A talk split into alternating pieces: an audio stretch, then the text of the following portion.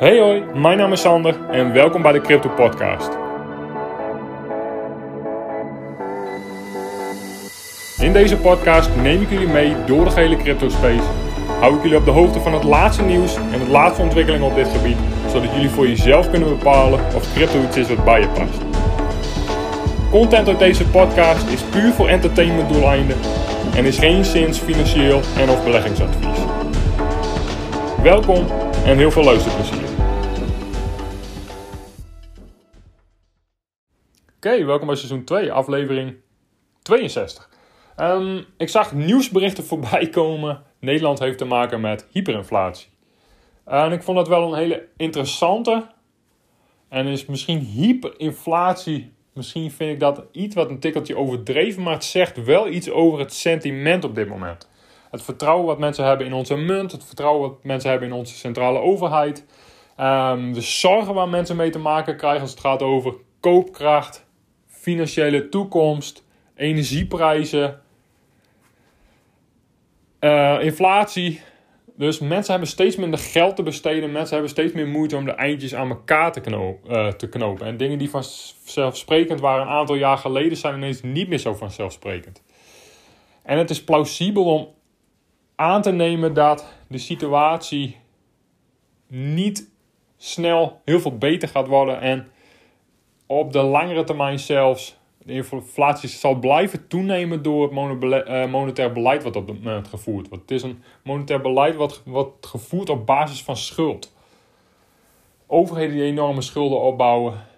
Uh, belangrijkste economie in de wereld als het gaat over wereldhandel in de dollar. Amerikaanse staatsschuld neemt hand over hand toe. En uh, ik heb het al veel vaker gezegd, het begint steeds meer op een kaartenhuis te lijken. En het interessante aan heel veel mensen gaan dit zien. Heel veel mensen maken zich ook wel zorgen over de toekomst. Heel veel mensen beseffen zich niet dat je...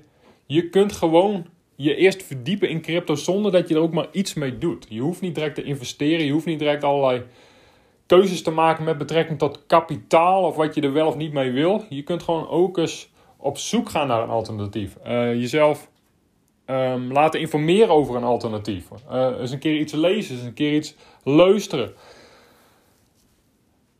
jezelf laten inspireren door eigenlijk allerlei alternatieven die er zijn waar je nu nog misschien geen kaas van gegeten hebt of misschien niet helemaal goed bekend mee bent.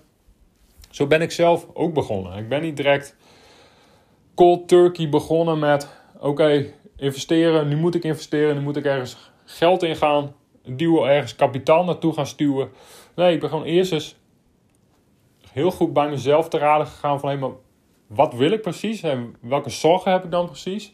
Um, waar wil ik dan over een bepaalde tijd staan en wat is dan wel, wel of niet handig om te doen? En om wel overwogen keuzes te maken, zul je toch een basisunderstanding moeten hebben van.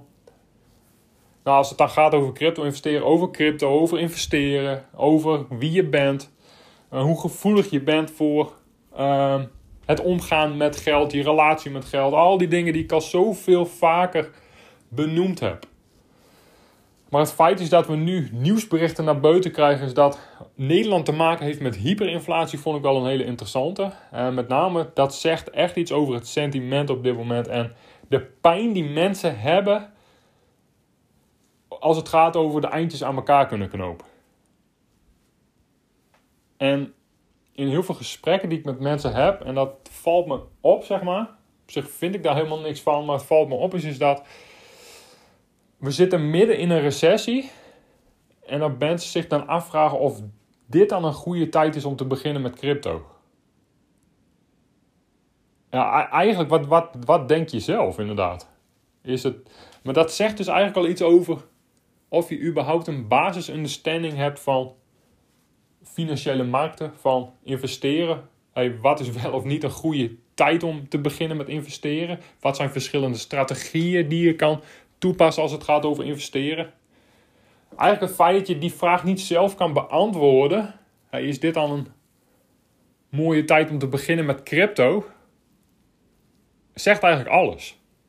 Je hebt dus eigenlijk geen idee. En beginnen met iets waar je eigenlijk geen idee van hebt, is niet heel erg slim.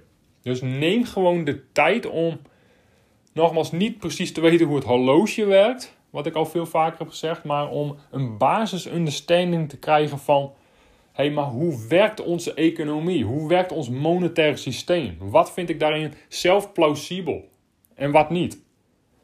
Wat wil ik over tijd? Wat, welke manier van investeren past bij me? Dan, zul je toch een basis understanding ook moeten hebben van wie je bent. Hoe is je relatie met geld? Hoe makkelijk ga je om met geld? Hoe makkelijk ga je om met ergens kapitaal naar toestuwen? Voelt dat voor jou natuurlijk of krijg je daar bepaalde emoties van? Past crypto überhaupt bij je? Niet, niet, crypto is niet voor iedereen. Um, maar goed, dat, dat, wou, dat, dat wil ik wel even benoemen. En ik zag de nieuwsberichten voorbij komen. Um, ja, dat, dat zegt wel iets over het sentiment op dit moment.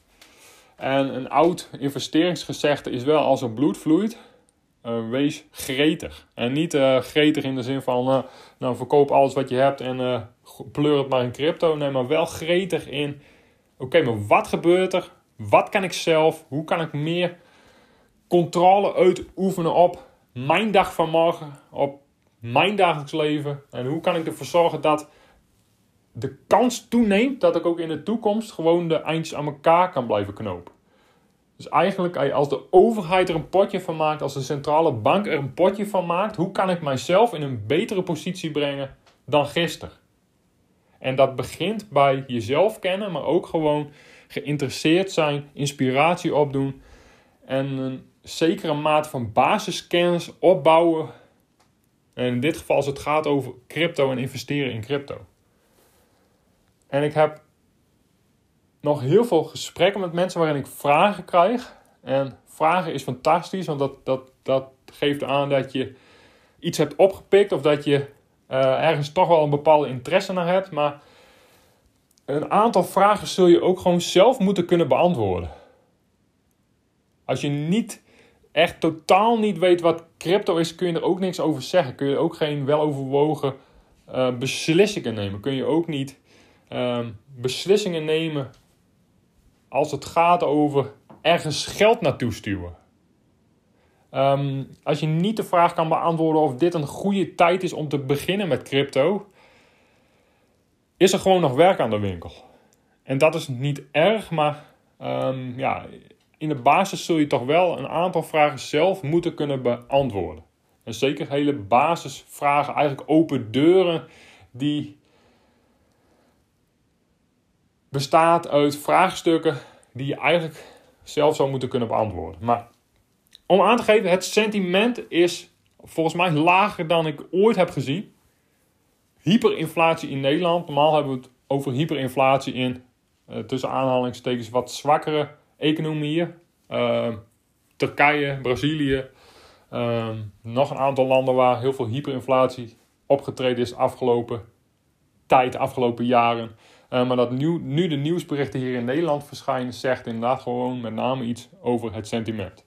En nogmaals, een oud investeringsgezegde is: als er bloed vloeit, is het tijd om op te letten, is het tijd om geïnspireerd te raken, is het tijd om jezelf te informeren, is het tijd om op zoek te gaan naar kansen. Dus is het een goede tijd om te beginnen met crypto? Ik hoop dat je inmiddels zelf die vraag zou kunnen beantwoorden. Dat was het weer voor vandaag. Heel erg bedankt voor het luisteren. Heb je vragen of suggesties? Stel ze op mijn Instagram. Sander in een workout. En tot de volgende keer.